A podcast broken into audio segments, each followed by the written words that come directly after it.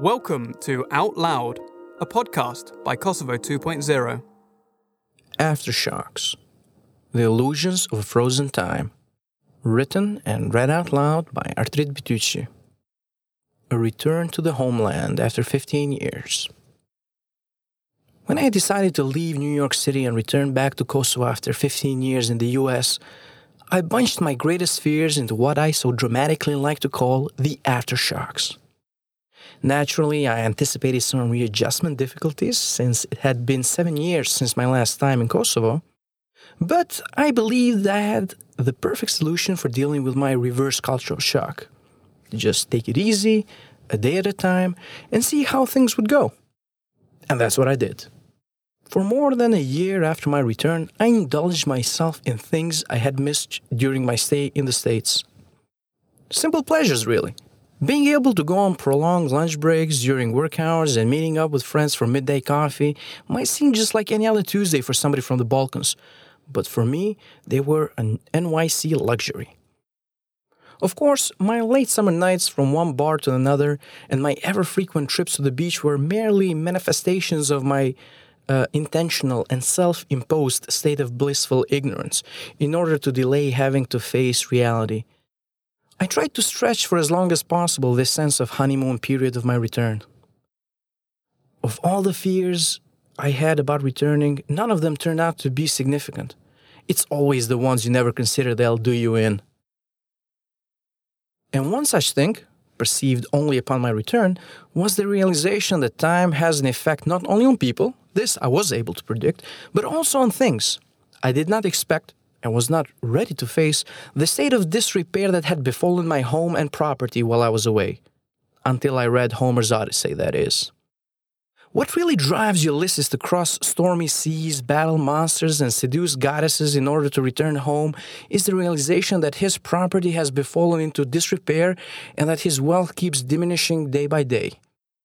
It is how his oxen and sheep and fat goats are being decimated by the suitors who keep throwing feasts as they dance and recklessly drink his wine at that never ending party at his court in their attempts to win over Penelope. That first summer, struck with hints of this realization, for about two months I avoided entering my home in Prizren, where I spent a great deal of my childhood. This I did possibly because of the fear that my room might not be the same as I remembered it, and that seeing something different would tarnish my precious memories of childhood. Memories that I used to return to over and over again in times of difficulty. Memories that has served me as an anchor of peace and stability and safety whenever life in the big city would throw me a new one. I can't believe you still haven't set foot in your own home, said my friend Muya, whom I chanced upon one day in Prizren. He couldn't hide the surprise when he found out I was staying at my friend Burim's for the weekend instead of my own home. Don't you miss just seeing your old room? I mean, you must, right? I miss it, so you must too. While my family lives in Pristina, we spent the 90s in Prizren. Those might have been the most difficult times for my parents, but to me, it was a magical period that I romanticize and long for. But now, we visited Prizren at increasingly less frequent intervals, maybe every three to six months, and even then we would stay at our cousins, trying to avoid the hassle of staying at our home. I wanted my childhood room frozen across time and space. And to some extent, it still was. The blue sofa was still there, still slanting diagonally when I slept on it. The writing table was still too big for the room and was claustrophobically jammed in the corner behind the sofa. The top drawers of the dresser were still locked, even though empty, just like when my mother would store all the firm's important documents there. And I still couldn't stick my head out of the window because of that stupid mosquito net. But there were some subtle changes. It just took some time for me to remove from my eyes that veil of idealization and see my prison house for what it really was a monument to the time's eroding properties. A huge crack span along the wall of my room, as if some invisible earthquake had tried to secretly tear away the windows and the balcony door. The layers of dust covering the furniture were like sediments, preserving records of what the house was up to while the people were away. Outside, the grapevines hung downward, tall weeds broke through the floor tiles, and the narrow garden was a tunnel of an unkempt jungle leading you to the monster's belly. And you could feel the monsters breathing every 30 seconds or so as the water pump screeched and screamed through the old rusty pipes. The rest of the house was an architectural Frankenstein, as if natural selection was playing a trick to create a mutant out of brick and mortar. Over the years, each room had accumulated various modifications and had been retrofitted so many times that it would make a great research project for any scholar of interior design. And don't get me even started on the mismatched furniture or the staircase full of books and random materials or the claustrophobically narrow bathroom.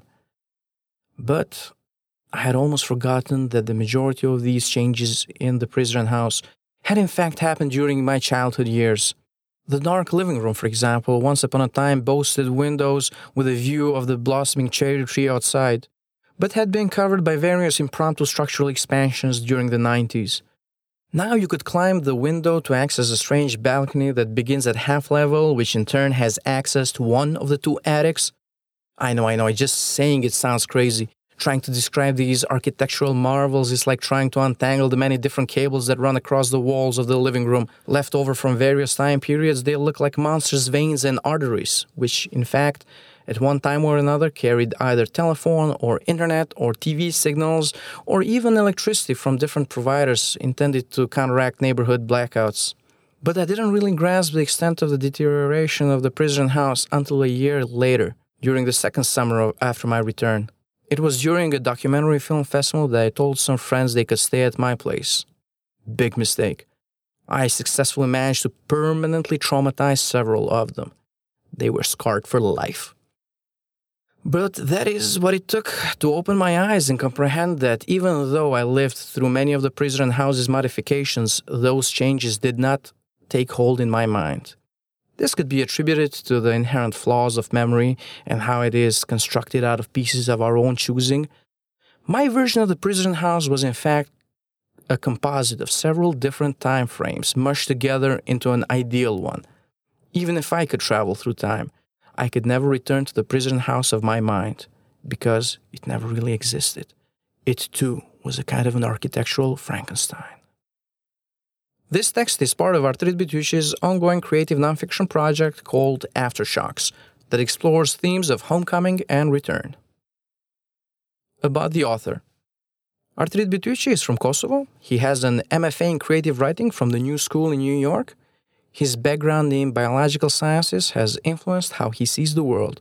He tries to approach art with the experimenter's curiosity, and to think about science with an artist's playfulness. To date, all such attempts have given inconclusive results. To listen to all of our podcasts, subscribe to Kosovo 2.0 in Apple Podcasts, Google Podcasts, or your favorite podcast app. Find more stories at www.kosovo2.0.com.